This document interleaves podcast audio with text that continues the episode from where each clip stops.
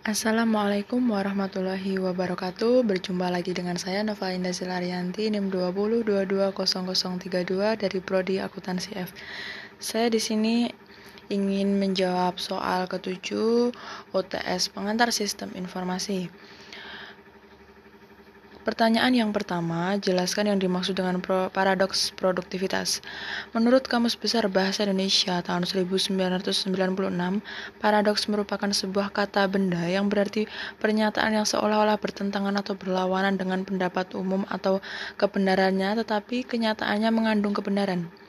Sedangkan Produktivitas memiliki arti kemampuan untuk menghasilkan sesuatu, jadi secara harfiah dapat diartikan bahwa paradoks produktivitas adalah suatu fenomena ketidakseimbangan antara besar investasi yang dikeluarkan dengan peningkatan output produk atau layanan secara signifikan.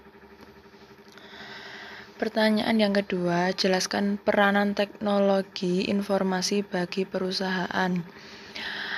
Adapun beberapa keuntungan dari penerapan teknologi informasi dan komunikasi pada suatu perusahaan atau organisasi di antaranya yang pertama, semua sistem yang tadinya bersifat manual pada perusahaan atau organisasi tersebut berubah menjadi otomatis sehingga dapat mengurangi biaya untuk tenaga kerjanya dan lain-lain. Yang kedua, waktu pengerjaannya dapat lebih cepat setelah menerapkan teknologi informasi, karena dengan penerapan TI dapat mempersingkat rantai birokrasi, misalnya yang awalnya selesai dalam satu minggu, namun dengan menggunakan teknologi informasi dan komunikasi dapat diselesaikan hanya dengan satu hari. Apabila waktu tersebut kita konversikan ke dalam bentuk biaya, maka akan menghasilkan penghematan sekian rupiah pengambilan keputusan akan menjadi lebih cepat. Hal ini disebabkan dengan adanya teknologi informasi dan komunikasi, maka data yang diperlukan akan cepat diperoleh. Sehingga tentu akan menjadikan perusahaan atau organisasi menjadi lebih kompetitif karena dampaknya akan besar apabila pengambilan keputusan agak lambat, misalnya dapat kehilangan banyak order.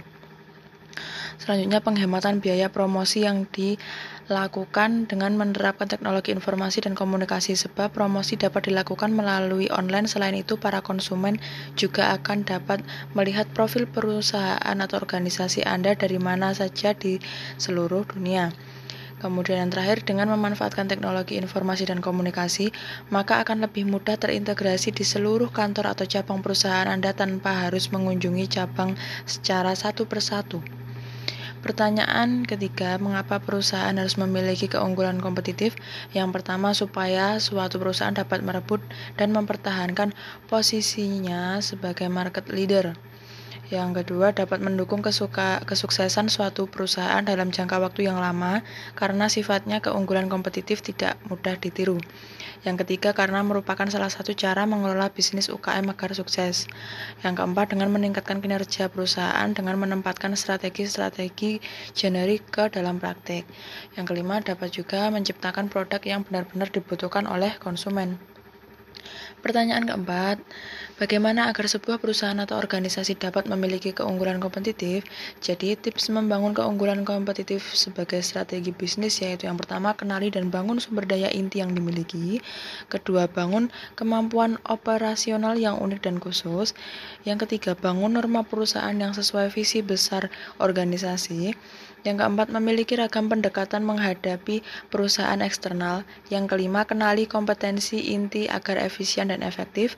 Yang keenam, kenali kekuatan dan kelemahan sumber daya operasional. Yang ketujuh, temukan peluang pasar yang sesuai strategi kompetitif. Sekian yang dapat saya sampaikan dan saya jelaskan. Ada kurang lebihnya, saya mohon maaf. Wassalamualaikum warahmatullahi wabarakatuh.